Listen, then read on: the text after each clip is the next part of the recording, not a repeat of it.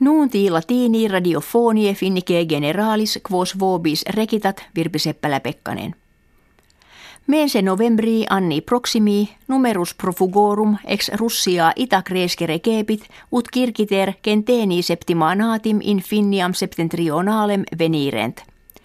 Major pars asylum petentium oriundi erant ex Afganistania, India, Bangladesa, pauki ex Syria et Irakvia.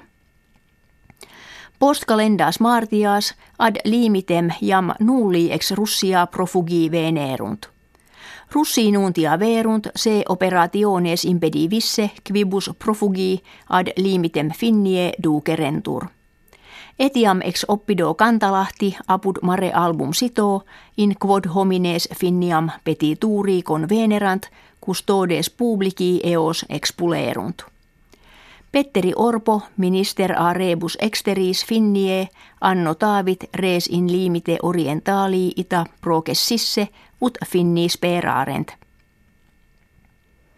Donald Tusk preses consilii europei, homines meliores vite conditiones petentes monuit, ne in Europam venirent. Omnes profugos illegales appellare volo inquit, unde cumque oriundi estis. No lite venire in Europam. No lite transportatoribus clandestinis confidere. No lite vitam et pecunias vestras in discrimen committere. Omnia que habetis amitteetis. Venezuela terra unde triginta milionum incolarum regressione economica laborat. Habet quidem maximas opes petrolei sed cum ante duos annos singula dolia petrolei venezuelani kentenis dollaris constarent, nunc minus trigenis constant. Venezuela nonaginta quinque centesimas reditum exportationis ex petroleo accipit. Pretio de minuto etiam reditus rei publice de minuti sunt. Angustie kivium causam habent etiam in erroribus regiminis. Annis prosperioribus nihil repositum est, immo novum es alienum contractum. Nunc kives rebus cotidie necessaris carentes apud tabernas in longissimis agminibus per multas horas expectant ut oleum orytsam, sakkarum, farinam saaponem aliakve necessaria emere possint. Antegentum annos in regione oppidi viroduni vulgo verdun inter francos et germanos prelium commissum est quod maximum belli mundani primi fuisse estimatur.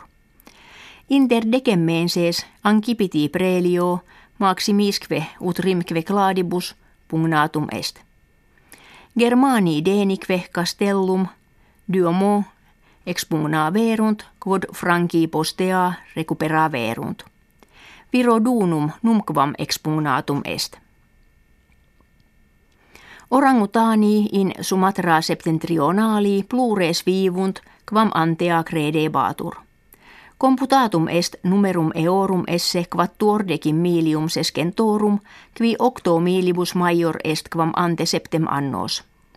Nihilo minus periculum est ne species extinguatur, quia homines silvas delent, ut spatia ad culturam palmarum oleariarum habeant. Periculum autem minus est quam timebatur. Videntur enim orangutani ad mutationes etiam ad silvas caesas melius asvescere quam putabatur. Orangutanus est maximum animalium mammiferorum in arboribus viventium. In arbore nidificat, in terram raro descendit, sed ex arbore in arborem se vibrans movetur. His dictis finem nuntiorum facimus auscultatoribus pro fidelitate gratias agimus et valedigimus.